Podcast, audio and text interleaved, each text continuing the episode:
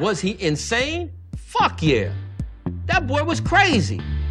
And he got a lot of people hurt.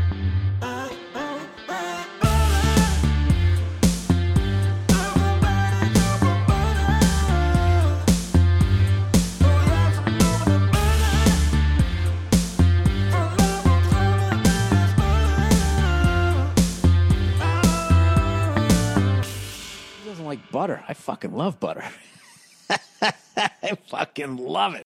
What's up, what's up, motherfuckers? Welkom bij een nieuwe aflevering van de Zonde van Je Tijd podcast. Een podcast waarin ik niet alleen mijn eigen tijd, maar vooral ook uw hele kostbare tijd verdoe met het uitkramen van absolute onzin. Ik hoop dat deze podcast jullie treft in een blakende gezondheid. Die van mij schommelt een klein, klein, klein beetje. Gaat de betere kant op, maar het kan beter. Maar het maakt allemaal niet uit. We pakken dus de de dato de 1 september de 2022. Dat is 1 september 2022 voor mensen die niet geletterd zijn in talen buiten de Randstad. Nee, nee, in de Randstad kunnen ze, zouden ze het wel kunnen.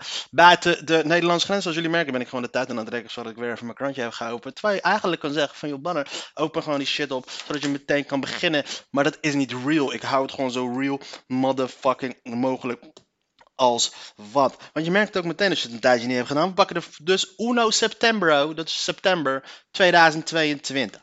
Wat hebben we vandaag? Wat is er gebeurd? Er is gewoon fucking hoop shit gebeurd. Er is een nieuwe Adam en Eva, oké. Eh, het acteurs-echtpaar Ellen Pieters en Han Odigs is binnenkort in de theaters te zien met toneelvoorstelling Adam en Eva. Oké. Cool. Moet het op de voorpagina? I don't know. Hopelijk is dit dus echt het meest belangrijke nieuws wat er is. Dat het gewoon opent met van hey, vandaag Adam en Eva in de theaters ergens hier waar toch niemand naar kijkt. Hopelijk is dit het allerbelangrijkste nieuws. Dat betekent dat er niks is gebeurd. Maar helaas, eh, de wereld kennende is alles naar de kk. En eh, we, zien het, we zien wat er gebeurt man. Zandvoort blijft eigenaar van grond onder de racebaan. Prins krijgt niet het hele circuit. Nog niet. Kennelijk was dat dus een dingetje. Prins Bernard van Oranje en andere eigenaren krijgen het circuit Zandvoort niet volledig in eigendom. De gemeente verkoopt de grond waar op het circuit ligt namelijk niet. Zandvoort wil invloed houden op de stormachtige ontwikkeling van het circuit. De ruiken, chang, chang, chang. Ze weten, ze weten Max. Tuurlijk. Max is er. Max, Max is gegarandeerd in Zandvoort. We hebben gezien hoe vorig jaar wat voor chaos daar was. En Zandvoort heeft zoiets van kaching. En Prins Bernard en zijn matties hebben ook natuurlijk zoiets van kaching. Dus nu hebben ze het. Dus de ene wil kaching tegen de andere wil van kaching. En zoals. ehm, hoe heet die gozer ook alweer ooit zei van. Never underestimate the other guy's greed. Van Scarface. Dus dan is dat waarschijnlijk een dingetje. En het zou me niks verbazen als aan het einde van de rit Prins Bernard toch uiteindelijk zijn zin krijgt. Want dat is hoe je koninklijke familie zich hoort te gedragen. Fuck it. Ik wil iets, dan krijg ik het ook. Dus ik hoop aan de ene kant dat ze eh, gewoon een dictatoriale trekjes gaan laten zien. En Zandvoort op een of andere manier wordt gedwongen om haar zin niet te krijgen. Maar het dingetje wel met Zandvoort is, het is geen eh Zoetermeer. Weet je. Zandvoort is wel, zit vol, vol met rijke motherfuckers.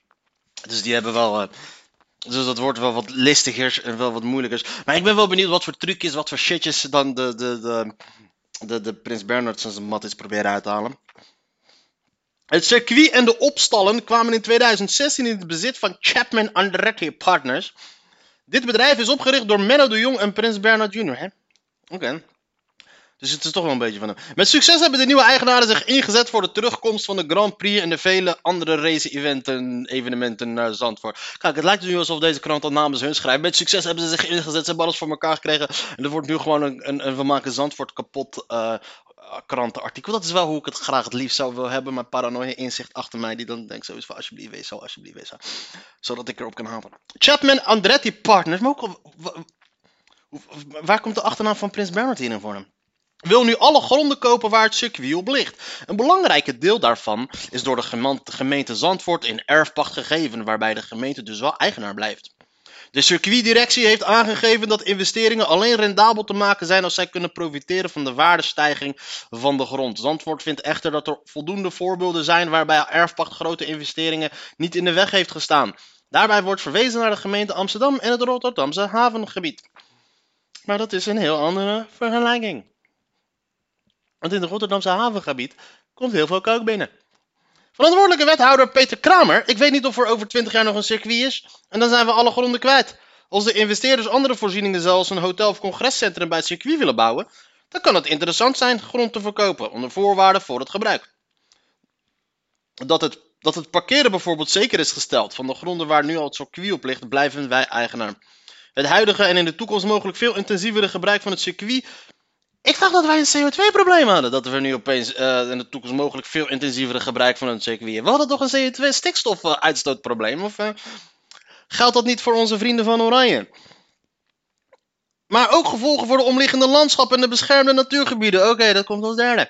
Het Zandvoortse College zegt daarover: gezien het Zandvoortse belang is het dan zaak om maximale invloed te kunnen uitoefenen. De gemeente noemt het onwenselijk om in de toekomst te veel afhankelijk te zijn van private partijen. Kijk, ik denk dat die Prins Bernhard en zijn vrienden dat gewoon willen opkopen. Zodat ze besloten babyritueel, verkrachting en vermoordings, uh, weet je, babybloed, babybloeddrinkceremonies kunnen houden daar. En daar heb je geen pottenkijkers bij nodig. En dan begrijp ik onze goede vrienden Prins Bernhard uh, senior wel. Kijk, als je babybloed aan het drinken wil drinken. En babyblood is een hell of a drug. Is one hell of a drug. Dan moet je daar geen pottenkijkers bij hebben. En ik hoop dus, ik denk wat ze dus uiteindelijk dan gaan doen, is gaan dat ze met die gemeente uh, van Zandvoort gaan houden. En zeggen, luister eens, wij willen uh, op dit circuit niet alleen uh, racecircuit gaan houden en dat soort dingen. Dat is gewoon een, een, een, een front die wij dan, een, een façade die wij dan opstellen zodanig. Maar het hoofddoel van deze, uh, van dit circuit is in principe gewoon dat wij babybloeddrinkrituelen willen houden.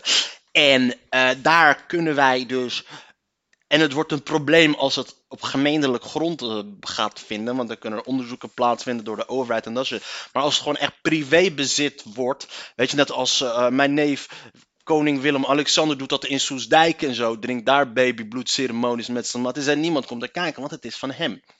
Dus ik denk dat dat het idee er is erachter. En dan begrijp ik wel dat je dan die shit wil gaan kopen. Kijk, het wordt wel een probleem als het gewoon continu vanwege de stikstof en zo kunnen we het ons niet veroorloven om daar races te blijven houden en zo. Dus als het, als het later wordt omgeturnd naar een babybloedceremonie um, instituut uh, of gathering of, uh, of gesloten gemeenschap, dan heb ik daar wel begrip van.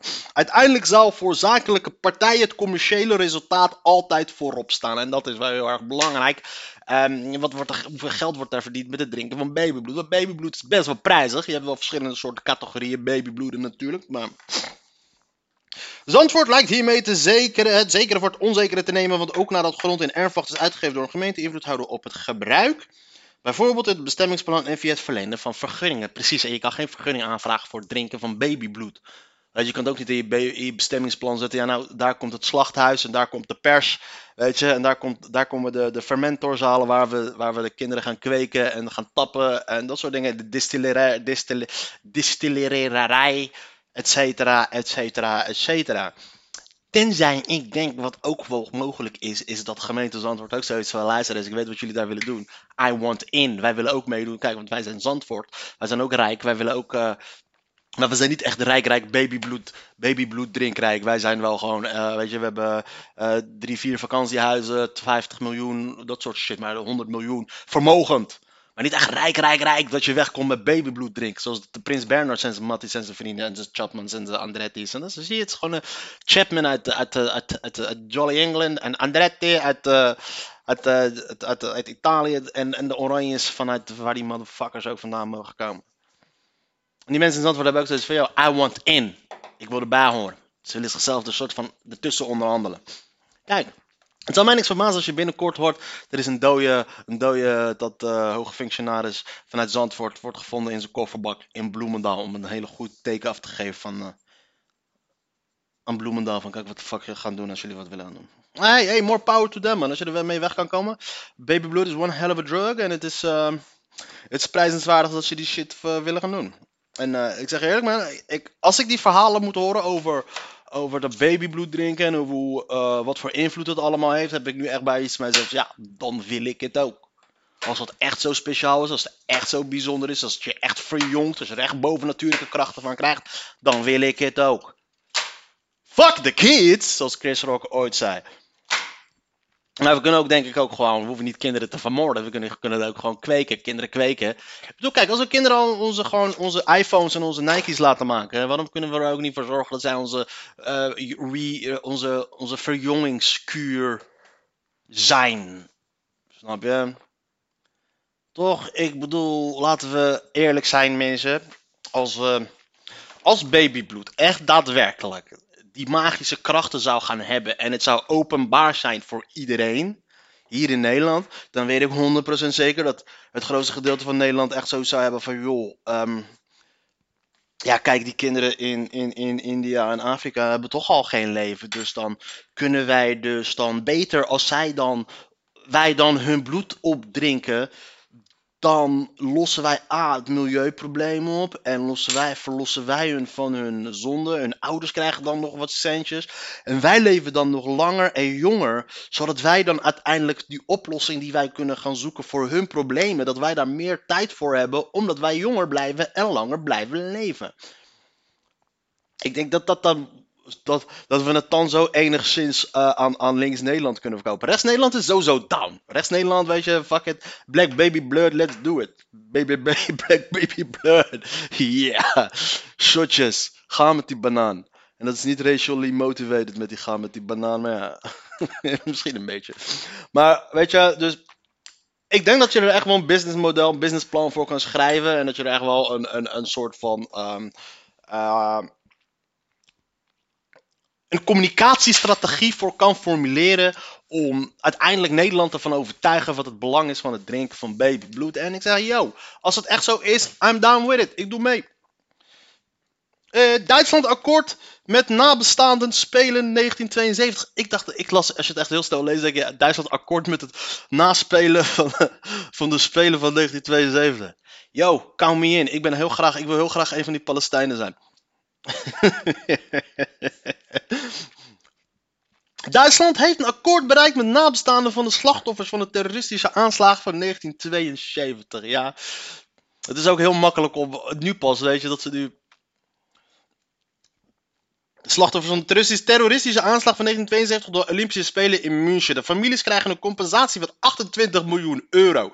Dankzij de overeenkomst wonen ze, wonen ze maandag 50 jaar na de aanslag en herdenking bij in München. Ze bevestigen bronnen. Yo, die Duitsland blijft maar payen daar in shekels. Blijf die shekels maar neertellen. De weduwe van de Israëlische gewichtsheffer Yosef Romano, een van de elf Israëlische atleten die destijds werd gedood tijdens een tweedaagse gijzeling door Palestijnse terroristen, sprak eerder al, yo, deze terrorist is de andere vrijheidsstrijder, zeggen ze altijd. Hè? Allemaal objectief. Sprak eerder al de verwachting uit dat Duitsland akkoord zou gaan met een schikking. Die hoest, die hoest is pietig, die hoest is pietig. Ook hadden ze voorzien dat de nabestaanden aanwezig zullen zijn bij de herdenkingsceremonie in München in gezelschap van de Israëlische president Ishak Herzog. Familieleden hadden gedreigd dat evenementen te boycotten en in plaats daarvan later in september een alternatief evenement in Israël bij te wonen. De weduwe van Romano en andere overlevenden beschuldigden Duitsland al lange tijd van onvoldoende inspanningen, ook op het vlak van herstelbetalingen. Niet alleen was er ruzie over het geld. Ik ga geen antisemitische grappen maken over joden die boos zijn over geld. Want dat zou weer, antisemitisme, weer antisemitisme.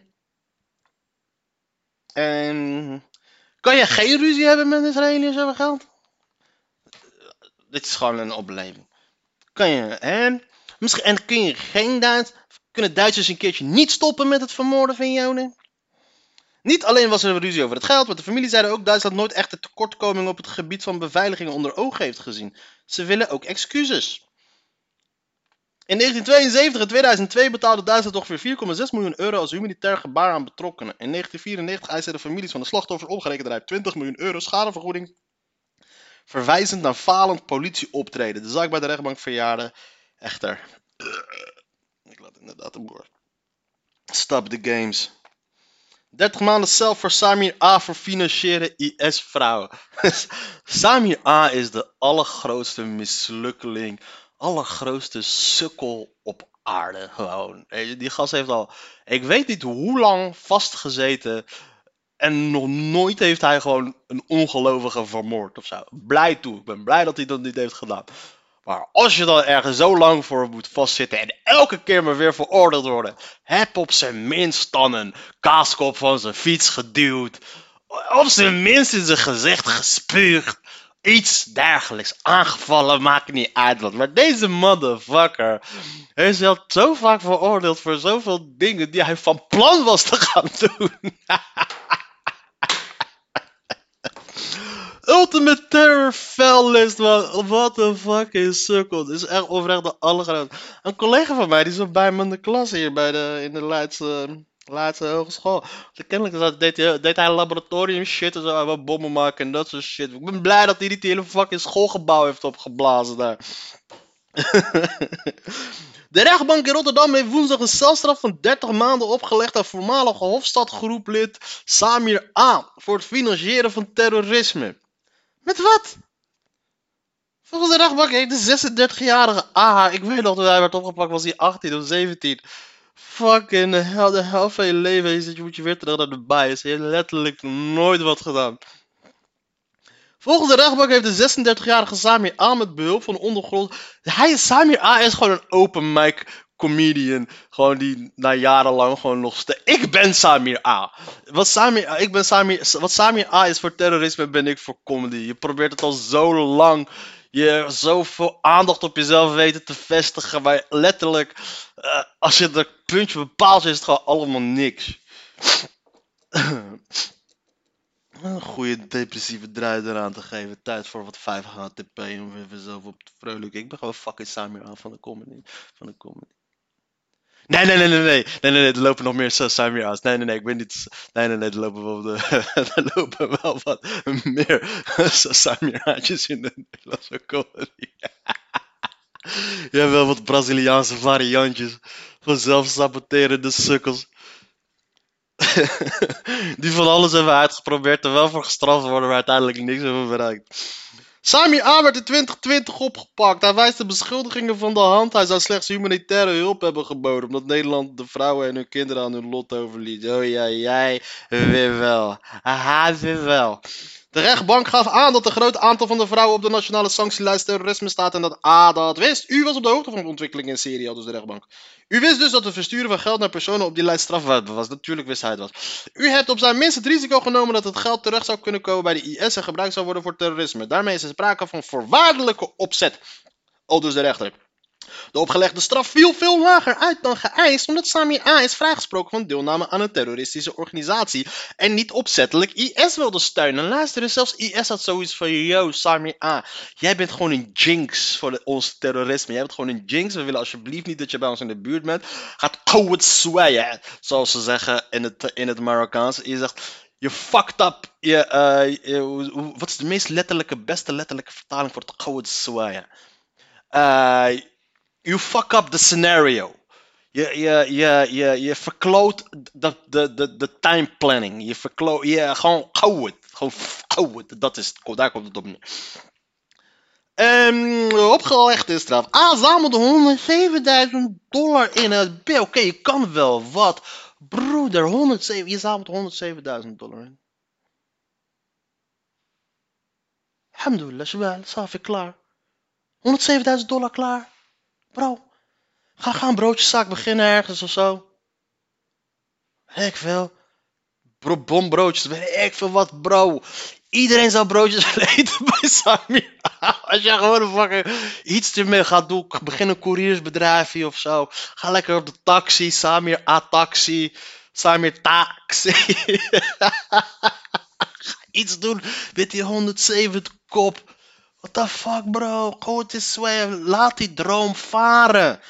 Laat die droom varen. Luister, je bent gewoon voor eeuwig en voor altijd. En al die tijd hè, heb je vastgezeten hier, heb een hekel en je was hier gewoon gebleven. What the fuck doe je hier dan, bro? Waarom noem ik een bro? Je gewoon.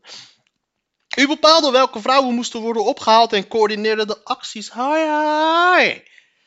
Ik heb dit beslissen, ja. Het geld ging overwegend naar Nederlandse vrouwen.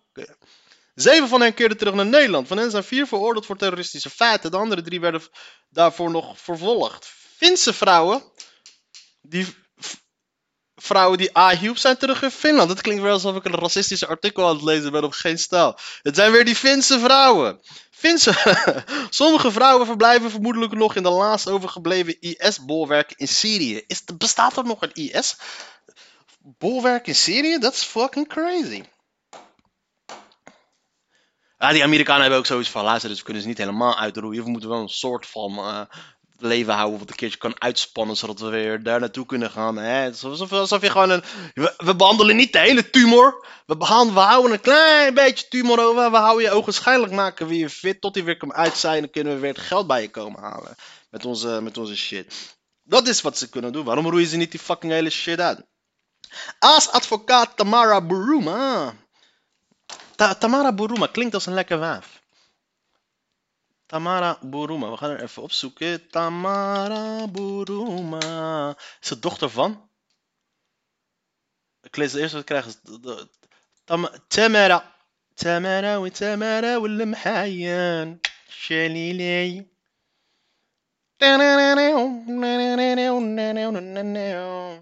Nee, nee, ze is niet zo bijzonder. Tamara Buruma, dochter van? Dochter van wie? De vader van Tamara is Ibo Buruma, de oud-hoogleraar en raadsheer bij de Hoge Raad. Buruma, oké. Oké, kennelijk is er iemand bij Google die is toch van, yo, is hij de dochter van? Ja, ja, recht, rechtsgeleerde nerdjes. Ah, fijn. Pokkenprik. Van column van Haroon Ali. Daar sta ik dan met zo'n 30 mannen voor de GGD-paviljoen. We mogen pas stipt om twee uur naar binnen, dus we moeten samen buiten wachten voor een gesloten hek. Ik voel me naakt op deze hete dag. Niet alleen blootgesteld aan de brandende zon, maar ook aan de blikken van anderen. Want ik ben hier voor mijn eerste apenpokkenvaccinatie van de twee. Bedoeld voor homoseksuele mannen met wisselende contacten. Shit, ik zie een bekende. Dus dat met andere woorden. Yo, je staat daar als een homoslet. Willen alle homosletten zich verzamelen? alle homo's zijn sletten. Och, ik bedoel hij. Hé, luister eens. Hun, hun, het voordeel van homo's is dat zij gewoon eh, geen moeite hoeven te doen voor seks. Ja, die, andere mannen die zijn net zo gauw als zij zijn. En daar doen die niet moeilijk over. Ja, dat is gewoon het voordeel van een. eh, dat is. eh, dat. Daarom zijn die homo's ook. Volgens mij, ze, worden overal gehaat. Ze worden dat niet meer, gelukkig. Maar dat, dat maakt het homo zijn voor hun wel wat draaglijker natuurlijk. Veel ik snapte ook nooit dat ze dat, als je vroeger gingen ze de homo's pas, ja, lekker pikken, likken, hè, flikker, laat je je reet neuken. Ja, volgens mij vinden ze dat lekker, eh, gast.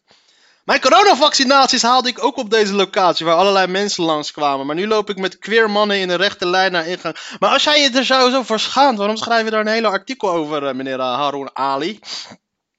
Ik probeer de historische associaties weg te drukken, maar de realiteit is dat we weer gevaar lopen door onze seksuele oriëntatie. Het gevaar om een nare aandoening te krijgen, het gevaar om gestigmatiseerd te worden vanwege onze seksuele gedrag. Je doet het toch wel zelf, eh, mijn goede beste vriend. Het enige wat wij als maatschappij willen, is dat we jullie gaan beschermen tegen jou. we willen niet dat jullie elkaar doodneuken. Dus we moeten weer niet het slachtoffertje gaan lopen spelen, omdat, omdat het homovirus is het een homovirus? Yo, luister. Ik denk dat de apenpokkenvirus is gewoon niks meer dan een nieuwe poging van God om die homo's uit te roeien. Want ze hebben, ze, ze hebben na die AIDS-pandemie hebben ze zich te goed gevoeld. Denken ze, weet je wat, we hebben van God gewonnen. Laten we lekker losgaan. En nu heeft God wat nieuws naar jullie gebracht. Yo, acties gevolgen. Nee, maar kijk. Eh, is het stigmatiserend? Yo, eh, cijfers zijn cijfers, beste vriend. Ik kan niet gaan lopen zeggen omdat de GGD zegt van... Yo, volgens mij lopen jullie het meeste risico's. Dus het zou wel relaxed zijn als jullie je eh, gaan, eh, gaan eh, vaccineren. Dat is letterlijk de maatschappij die tegen jullie zegt van... Yo, we willen, dat, je- we willen niet dat jullie doodgaan. Om dan te gaan lopen, jullie lopen ons te stigmatiseren vanwege ons dit, vanwege ons dat, vanwege ons dit. Dat fucking bullshit. Dat is wokeness wat door aan het slaan is. Dat is gewoon fucking idioterie. Cijfers zijn cijfers. Apenpokken komt het meest voor bij homo's die lekker erop losgaan. Prima, moeten ze lekker zelf weten. Maar als wij als maatschappij, ik zeg niet dat wij als maatschappij, maar als de, de, de, de, de, eh, de, de instanties die gaan over de gezondheid zeggen van, yo, luister eens, eh, dit zijn de gevaren, dit soort dingen. Jij loopt iets meer kans, dus je, zou je willen laten vaccineren. Je hoeft je niet te laten vaccineren, Haroon. Je kan ook het gewoon niet doen en gewoon lekker eh, uiteindelijk die, eh, die apenpokken krijgen en dan gaan lopen janken over hoe je gestigmatiseerd wordt. Maar coronavaccinaties halen te worden vanwege ons seksuele gedrag. Het gevaar om een nare aandoening te krijgen, het gevaar om gestig- gestigmatiseerd te worden vanwege ons seksuele gedrag. Die zin slaat nergens op. Het gevaar om een nare aandoening te krijgen, het gevaar om gestigmatiseerd te worden vanwege ons seksuele gedrag. Die shit is fucking onzin. Kijk, seksueel gedrag heeft gewoon eenmaal risico's. Neemt eenmaal risico's met zich mee. Daarom hebben we, eh, lopen we condooms om. Iedereen moet condooms om. Safe sex hebben we dat lopen te promoten voor alles en iedereen. Dus het is niet gestigmatiseerd, dat? Het is niet gestigmatiseerd worden, je wordt gewaarschuwd. Nou, oké, dan niet. Weet je wat, is goed. Wat wil je dan doen? Oké, nee, is goed. We geven het geen aandacht. Dan klopt het ook weer niet. Want dat was weer aan het begin van de soort van een pandemie. Kregen mensen, ja, het wordt te weinig aandacht gegaan, gegeven dit en dit en dit en dat. Oké, is goed. Willen we meer aandacht geven? Yo. Uh, maar hoe weten ze trouwens wie homo is en hoe ze dat gestigmat, uh, wie, de, wie de homo's zijn en hoe zit met seksuele aankeuring, dat soort dingen. Oké, als dat is dan wel apart. Weet je, ik hoop niet dat we ergens een, een, een, uh, een, een, een, lijst hebben met homo, niet homo, biseksueel, dat soort shit. In een eerder column schreef ik dat er veel te weinig vaccins zijn om alle mensen die dat willen te vaccineren tegen aappokken. Dus kregen alleen mannen die ook preventieve HIV-medicijn PrEP gebruiken deze inenting. Oké, dus dat, die, dat, daar komt waarschijnlijk die lijst vandaan. De angst om HIV te krijgen is mannen van mijn leeftijd en ouder al vroeg aangeleerd. Maar dankzij de PrEP kun je onbezorgd seks hebben. Dat wil ik ook. Daarom had ik deze pillen besteld, had ik eerder alle testen en checks had doorlopen. Dus oké, dus je wordt opgeroepen. Omdat jij wou gewoon de lekker op losneuken. Prima. Dus, jij, dus de maatschappij had daar wat beschikbaar voor jou gesteld. Voor jou, hey, yo, broeder of zuster of weet ik veel wat. Wat voor uh, rol jij hebt in de relatie. Doe je ding, lekker, prima. Deze shit is voor jou. En aan de hand daarvan word jij nu opgeroepen. En nu sta jij dus in de rij te wachten. Je had niet hoeven te gaan. Maar nu ga jij daar naartoe en dan voel jij je bekeken en beschaamd omdat je je gestigmatiseerd voelt. Omdat jij uh, op een lijst bent gezet die, ja, die de, uh, op een, op een lijst staat omdat jij medicijnen hebt gekregen die ervoor kunnen zorgen dat jij gewoon uh, geen aids kan gaan krijgen. En aan de hand daarvan ben je opgeroepen in de hoop van, jou wil je laten vaccineren, want er loopt de kans op dat je ziektes gaat krijgen. Dat jij gaat er dus zelf op in om daar naartoe te gaan en nu voel jij je gestigmatiseerd. Sorry, uh, dat is een flikkergedrag. Ik had alleen niet verwacht dat ik bij de eerste doosje PrEP meteen een uitnodiging zou krijgen voor de apenpokkenvaccinatie. Ik ben er blij mee, maar het is apart dat je het ene preventieve medicijn moet gebruiken om een andere preventieve vaccinatie te krijgen. Het is toch niet zo dat het alleen zo werkt? Je staat, zo, je staat nu geregistreerd, dus dan roepen ze je makkelijk op. En waarschijnlijk roepen ze al sowieso alle mensen op, want dat is toch wat je hier voorschrijft? Ze hebben toch ook iedereen opgeroepen om te komen, maar aangezien jij op een lijn staat, hebben ze jou die, dat berichtje gestuurd. De aanname is dat prepgebruikers promiscu zijn. Nee, ik denk de aanname is dat homo's promiscu zijn. En jou, dat is geen slutshaming. Dat is waarom deze groep, die makkelijk te traceren is via de GGD en huisartsen, nu wordt gevaccineerd. Maar kun je dat wel aan elkaar koppelen? Ja. Ik bespreek dit met een vriend die PrEP gebruikt en ook zijn eerste pokkenprik heeft gehad. Is dit verband niet wat arbitrair? Nee. Je kunt immers ook beredeneren dat prepgebruikers juist verantwoordelijker omgaan met hun gezondheid en die van anderen, terwijl genoeg andere mannen bewust of onbewust de risico's lopen in bed. Ja, maar die mensen worden toch ook opgeroepen? Jij zegt zelf ook dat je uh, onbezorgd seks wilt hebben. Toch? We klagen altijd dat de overheid te weinig doet, zegt de vriend dan. Die, die vriend heeft gelijk. Dit is misschien niet de meest nauwkeurige, maar wel een snelle en redelijke effectieve strategie om de kwetsbare doelgroep te bereiken. De gevaccineerden kunnen opgelucht ademhalen, maar de bodem van de vaccinatievoorraad komt wel in zicht, kreeg de vriend te horen. Andere homomannen moeten het voorlopig rustiger aandoen, luistert het advies. Is dat wel eerlijk? De vriend heeft stiekem een oordeel over mannen die onbeschermd hun, wil, hun wilde vrijgezellen leven voortzetten, maar ik vind dat je die schuld niet op hen kunt afschrijven, omdat we ons al een hele pandemie hebben moeten inhouden.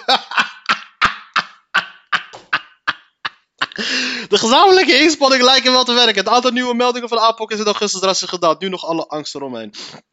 Oké. Oké. Het is... Uh, Harun Ali is niet minder uh, onredelijk in zijn stuk als ik het vanaf het begin al een soort van probeerde aan te komen. Ik denk dat hij gewoon wat vragen probeerde te stellen die bij een hoop mensen omgaan. En daar een soort van antwoord op geeft. Kennelijk is dat dus een, ja, columns. Dat zijn columns, maar inderdaad. Dus dat. Ja, hey, yo, uh, more power to you, uh, Haroon. Uh, lekker prikken, prikken, prikken, prikken. En doe wat je, laat, je niet, wat je niet laten kan. Eh, kijk, die, die flikker van zijn hebben. De inflatie vreet al langer aan ons spaargeld. Hey, fuck that shit. Artikels die van mij, want ik heb geen spaargeld. Bitch! Dashboard met knopen tegen koopkracht. Pijntjes, dames en heren, laatste koopkracht daalt. En RS stijgt. Luister jongens, er is één. Ik, vind, ik zit alweer helemaal in mijn flow. Ik ben over mijn 30 minuten heen. Fuck it jongens, ik ga gewoon weer lekker doordenderen. Ik ben pas op pagina 3 van de krant. Hè? Ik ga gewoon doordenderen. Ik weet niet hoe lang deze... Dit wordt, de, dit wordt de zonde van je tijd waar je u tegen zegt. Portretten. Michelle en Barack Obama alsnog in de Witte House.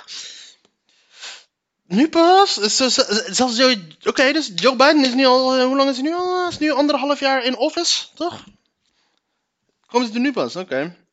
Barack Obama. Oh, Barack Obama. Dat is echt de allergrootste teleurstelling aller tijden. Gewoon, Barack Obama. De allergrootste teleurstelling in tijden. Ik kan mij nog die verkiezingen in de Amerikaanse politiek. Ik was, ik was die op een gegeven moment echt fanatiek gaan volgen. Het moment dat hij in beeld kwam. Eh, toen hij een beetje in beeld kwam. En en, en dat gebeurde voordat, het, voordat hij hier echt in, in, in, eh, in, in Europa een beetje eh, bekend begon te worden van dat, dat, dat hij zijn eerste voorverkiezing had gewonnen van Hillary Clinton. Want ook toen zou Hillary Clinton zou zogenaamd al meteen president worden en shit. Maar er was toen volgens mij. ehm, nou, ergens in 2006 volgens mij had er een. Had er een. eh, was er een. Op Fox News toen de tijd was er een filmpje op online gekomen over. eh, over drugsgebruik in Amsterdam. Nou, in Nederland. En in 2006. Fox News was toen de tijd helemaal in die. eh, was George Bush Fox News tijd. Weet je, het was streng christelijk. Het was nog stoorder dan het nu is. En althans. Ja, het het was toen achterlijker dan het nu is. Nu is het gewoon straight up hypocrieter. Maar het, was toen echt achterlijker dan het nu is. Ik in standpunten eh, over, over drugs bijvoorbeeld. Waarin ze toen hadden ze een stukje over dat ze Amsterdam neer hadden ze letterlijk neergezet werd als Sodom en Gomorra. En dat, was een, dat gebeurde toen in een nieuwsitem van, eh, van, eh, van Bill O'Reilly was daar toen. En toen zat daar ook dus Gretchen Carlson bij. Gretchen Carlson trouwens is een van de, van de, van de hosts van Fox News die later Fox News heeft aangeklaagd voor miljoenen. Zij was een van de eerste die naar buiten is gekomen met, eh, na haar is natuurlijk eh, dat Megan, Megan, hoe heet ze? Hoe heet ze die lekkere? Megan, hoe heet die, die, die, die, die Uber MILF? Ehm, Fox News. Megan, Megan, Megan Kelly. Megan Kelly, ja. Zij kwam later allemaal. Maar dat was op een gegeven moment die hele shit met eh, die oud. eh, zij was een van de eerste die naar buiten kwam over het seksuele, die grensoverschrijdende gedrag van hun oud eh, Fox News baas. Hoe heet die ook weer? Fox News founder. Hoe heet die guy ook weer? Eh, Roger Els. Ja, de eigenaar was natuurlijk Robert Murdoch, maar het gebeurde na een gebe- gebeurde van. En zij was dus een van die vrouwen daar die dus dat eh, gesprek voerde over hoe erg Amsterdam was, hoe erg wiet is. Het was, het was in principe gewoon een, een, een, een hitpiece tegen, tegen marihuana, tegen marihuana, tegen wiet. En eh, ze hadden Amsterdam als voorbeeld aan. En naar aanleiding daarvan had iemand hier uit Nederland, had hij dus daar een, een tegenfilmpje over gemaakt. Over de criminaliteitscijfers, over de zelfmoordcijfers, over, de, over welvaart, over alles als reactie daarop. En dat filmpje kwam bij een beetje toe groot in het nieuws. En kijk waar ik uiteindelijk naartoe ga. kijk hoe snel ik afdwaal. Eh d- nou, dat filmpje was ik dus een beetje gaan opzoeken. En toen belandde ik toen een beetje. En dat was toen het begin van YouTube nieuwskanalen, et cetera. En toen belandde ik een beetje in die Amerikaanse algoritmes van het nieuws volgen. En toen kwam ik 2007. En toen kwam ik dus in die. Zat ik balsdiep, zoals Eddie Bravo zou zeggen. In die hele Amerikaanse politieke shit. En toen volgde ik het echt non-stop aan. Vanaf die periode echt non-stop. Tot de dag dat Joe Biden president werd. Want daarna was er gewoon alle lol weer vanaf. Terwijl het nu net juist weer fucking spannend begint te worden. Maar de lol was er weer helemaal vanaf. Maar dat was dus. Maar dus toen was voor mij Barack Obama. Maar toen hij dus die verkiezingen in 2008. Toen hij daar die hele voorverkiezingen. En die. En die. En die. ehm, en die ehm, heet dat? Die. ehm, tegen wie moest hij eerst dan? Mitt Romney en daarna was tegen. Fucking hell, wie had hij als eerst geslagen?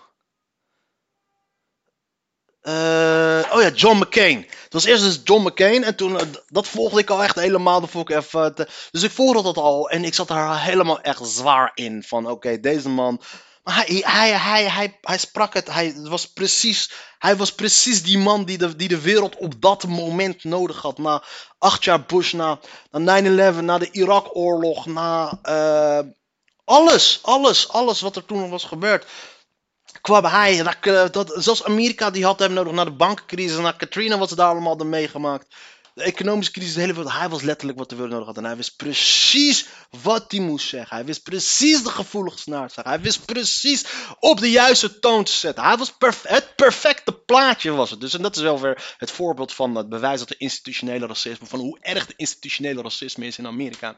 De allereerste zwarte president van Amerika, A, moest A, deels half wit zijn, dat sowieso. En B, hij moest niet alleen uh, super intelligent zijn. Dat is Obama. Obama, ik denk de intelligentie zit sowieso boven de 140, 150, zal niks sowieso, rond die shit. Hij was, de, hij, was de, hij was de hoofdredacteur van de Harvard Law Review. Dat is de, een belangrijke, uh, hele prestigieuze rol. Hele, van de krant die ze daar hebben, die daar wordt gelezen. Dus een hele prestigieuze rol. Hij was wel bespraakt. Hij kon speechen als de motherfucker. Hij kon speechen als de motherfucker. Er zat een goede bas in zijn stem. Hij zag er goed uit. Had charisma. Had een goed gevoel voor humor. Hij lang. Alles klopte gewoon bij die man. Al. Hij had al een, had al een vrouw. Uh, zijn vrouw was al afgestuurd naar Princeton. Die was al super fucking intelligent. Haar broer was NFL coach. Uh, uh, die kwam uit, uh, ondanks dat ze uit uh, fucking Oblak kwam, uit Chicago, fucking zware ghetto, is het gewoon letterlijk een, een, een, een American dream story waar je u tegen zegt van, van Michelle Obama, waar ze vandaan komt, zijn haar familie en waar ze naartoe zijn gekomen uiteindelijk. Dus dat klopt al helemaal. twee hele mooie kindjes had hij. Dus dat hele perfecte plaatje klopte gewoon voordat de allereerste zwarte president van Amerika kan gaan worden. En hij volgde George Bush op, die fucking. daarna komt Donald Trump. Voor hen zat er letterlijk geen grenzen, geen ondergrens, geen enkele voorwaarde van hoe slim, intelligent je moet zijn, of wat dan ook.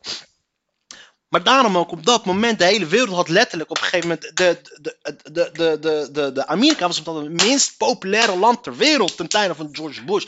En dat verdraaide toen Obama kwam, draaide dat in 180 graden om. Amerika was letterlijk. Je kan het nu niet vergelijken met, met, met van Trump naar, uh, naar, uh, naar, uh, naar Joe Biden. Snap je? Dat is een wereld van verschil. Want van Trump naar Joe Biden Trump was fucking spraakmakend. Maar die motherfucker heeft geen oorlog veroorzaakt. Hij heeft geen mensen vermoord. Hij heeft geen gek. Er is niet echt substantieel iets gestoords gebeurd in die vier jaar dat Trump de baas was. En uh, de, de, de, de verandering naar, naar, naar uh, Joe Biden was letterlijk gewoon weer back to normal.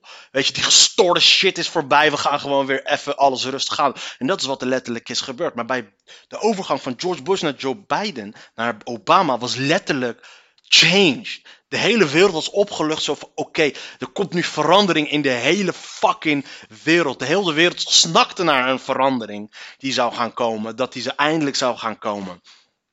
En uh, die is dus niet gekomen. En dat was dus de hele grote teleurstelling. En daar was ik dus waar ik dus uiteindelijk naartoe wil gaan. Nou, fijn, we hadden dus begonnen. Portretten Michelle en Barack Obama alsnog in het Witte Huis. De Amerikaanse president Joe Biden en zijn vrouw Jill onthullen op 7 september alsnog de officiële Witte Van Michelle en Barack Obama. Traditiegetrouw doet de opvolgende president. Oh ja, natuurlijk. Oké. Maar Donald Trump organiseerde de ceremonie nooit voor zijn voorganger Obama. In het ceremoniële gedeelte van het Witte Huis hangen meerdere schilderijen van voormalige presidenten en first ladies. What the fuck? Spookt het? Domme spookt het hier gewoon in fucking om 4 uur? What the fuck is dat voor gekke shit? Uh, Oké. Dat instituut tot de twee wel de protest. In het ceremoniële gedeelte van het Witte Huis hangen meerdere schilderijen van voormalige presidenten en first ladies. Dit zijn andere werken dan die in de National Portrait Gallery. Dit, dat instituut onthulde in 2018 wel de portretten van Barack Obama en Michelle Obama, gemaakt door kunstenaars Kehind Wiley en Amy Sherald. Die schilderijen hebben vorig jaar een rondgang gemaakt langs musea in New York, Chicago, Los Angeles en San Francisco. Of course. Ik wil dat jullie die shit naar, naar fucking Lafayette, Mississippi gaan sturen en, en naar. naar uh, en naar. en naar Honkeyville, naar Tennessee. naar Texas. Ik wil dat jullie daar natuurlijk van. Natuurlijk San Francisco, New York, Chicago, Los Angeles. Dat is gewoon echt letterlijk die coast to coast. Shit, dat is letterlijk de Democratische Partij. Dat is de D66 van Amerika. De Democratische Partij. En dat is daarom ook, weet je. Dat is ook, ik denk dat dat ook, een van de dingen is wat, wat, wat, wat, wat heel veel mensen met Secret Kaag hebben. Dat wat een teleurstelling het is. De onthulling van de Witte Huisportretten vindt normaaliter. Normaaliter. Ik weet niet. Er is, ooit heeft iemand een keer tegen mij gezegd van. Het is niet normaliter, maar het is normaaliter. Want het, schijnt, het is dus een, een, woord uit het Latijn. Is het Latijns woord of Latijnwoord? En het, is Latijn. Dus, maar het is normaaliter. Wie zei dat ook weer? Jelle zei dat. Oh ja, Jelle. Jelle, Jelle, Jelle, Jelle. Dat ken ik nog vroeger van, van het pokeren. Jelle, Jelle, Jelle Moenen? Jelle Moenen, ja. Dat was zijn naam. Ja, hij, was, uh, hij studeerde Nederlands en hij zei, ja, je moet, het, het is normaaliter. Oh, ja, en ik ja, vroeger namen van die pokerpodcasts op. En dan ging ik dan met gasten ging nou, was vroeg, ik weet niet of hij nog steeds goede poker is, maar als hij nog speelt, dan zou, hij zeker nog heel erg goed zijn. Maar hij gingen we dan uh, handjes kijken en dan ging hij me uitleggen wat hij deed en zo. Dan zei hij op een gegeven moment normaaliter. Op een gegeven moment zei hij van, ja, uh, wat gebeurt hier? Zei hij van, ja, normaaliter zou ik dit doen. Ik zei normaliter. Hij zei nee, normaaliter. En dat was lachen. Het was eerst van, haha, oké, okay, gaat maar ook aan mijn grappen maken. Bla, Hij zei nee, ik weet niet hoe het gesprek sowieso gek. Maar hij, het is normaaliter. Iedereen zegt normaliter. Maar het is normaaliter, het is een Latijn woord en dat soort shit. En toen zei hij, sinds iemand dat ooit tegen mij heeft gezegd, zeg ik altijd normaaliter. En het bizarre is, sinds de dag dat hij dat tegen mij zegt, zeg ik altijd normaaliter. Maar en ik weet als ik het moment dat ik dat woord ga gebruiken ook, dat gaat er een soort van een paar milliseconden van tevoren gaat er bij mij dan, of ik lees het zoals het nu, dan gaat er bij mij een seintje af van, oh ja, badder, je moet het zo uitspreken. Was het maar zo met alle Nederlandse taalwoorden en dat soort shit. Sh, sh, slecht, slecht, het is slecht, badder, niet slecht. Ah, fijn. Het is niet duidelijk of er in 2024 een ceremonie rond het portret van Donald Trump en zijn vrouw Melania wordt gehouden. No, because I'm gonna hang it up myself with my tiny little hands. Donald Trump, my says because I'm out. Slachtoffer schietpartij Indianapolis terug naar huis. Ja, dus daar kennelijk een uh, Nederlandse commando vermoord. Omdat hij daar rondliep in camouflage en ze het aanzagen voor blackface. En dan word je gepopt. Arrestatie rukt vaak uit voor verwarde man. Politiechef noemt stijging incidenten met onberekenbare personen zorgelijk. Ja, motherfucker, people getting crazy. The time for you to see. Waarom krijg ik filmpjes te zien van mensen die ik niet ken? Ah, fijn, laten we deze. Levensgevaarlijke incidenten rond verwarde personen. Als je deze op deze klikt, krijg je gewoon het hele artikel. Uh, politiechef noemt stijging incidenten met onberekenbare personen zorgelijk. Er kan meer gevaar zijn dan bij de aanhouding van een crimineel natuurlijk, want people are crazy. Levensgevaarlijke incidenten rond verwarde personen nemen in snel op tempo toe. Weet je wat, we gaan de rest van de podcast gaan we versnellen, koppen snellen, want ik moet ook nog wat belangrijk doen. Want ik moet weer uit, dus ik ben helemaal kapot nu op dit moment. Koning bezoekt asielzoekers en medewerkers in Ter Apel. Oh ja, natuurlijk, er is een crisis in Ter Apel. Ja, Gorbachev is dus overleden. Wist ik veel dat die motherfucker nog leefde. Is toch gek? Is gek, die man was dus fucking gestoord. Laatste stempel Johnson. Weer zo een van ik dacht dat hij al lang weg was. Wereldleiders prijzigen moedige Gorbachev. ik ben benieuwd hoe Poetin heeft gereageerd op zijn moord. Volgens mij is die hele trauma, alle, de, de hele, de, de, de hele, heet dat, uh, hoe noem je dat ook weer?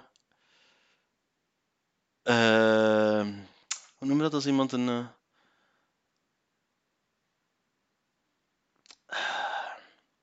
complex. Het hele complex van Vladimir Poetin is gewoon echt gebaseerd op het feit dat Gorbachev uh, door zijn knieën is gegaan voor uh, tear down that wall. Ronald Reagan en de rest. Ze hebben zichzelf uiteindelijk helemaal failliet gespeeld natuurlijk. Die Russen, want er kwam letterlijk niks meer uit. Die ruimtereis bijvoorbeeld heeft toen echt te veel, te veel geld gekost. En ze kwam letterlijk niks meer in. Dus. Maar hey, Streamingsdiensten stelen de show op Filmfestival Venetië.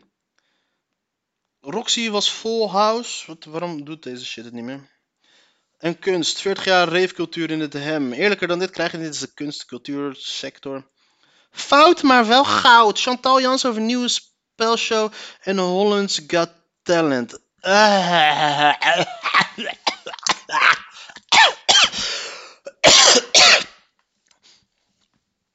Chantal Jansen. Uh, met wie gaat het dit programma presenteren? René Vroger. Team Captains zelfs. Nee, niet René Vroger. Gerard Joling en Marieke Elzinga. Bitch, je had toch een burn-out? Je had toch een burn-out, Marieke Elzinga? Of was dat gewoon een truc omdat je aandachtshoer hoerkop gewoon op televisie wou in plaats van op de radio?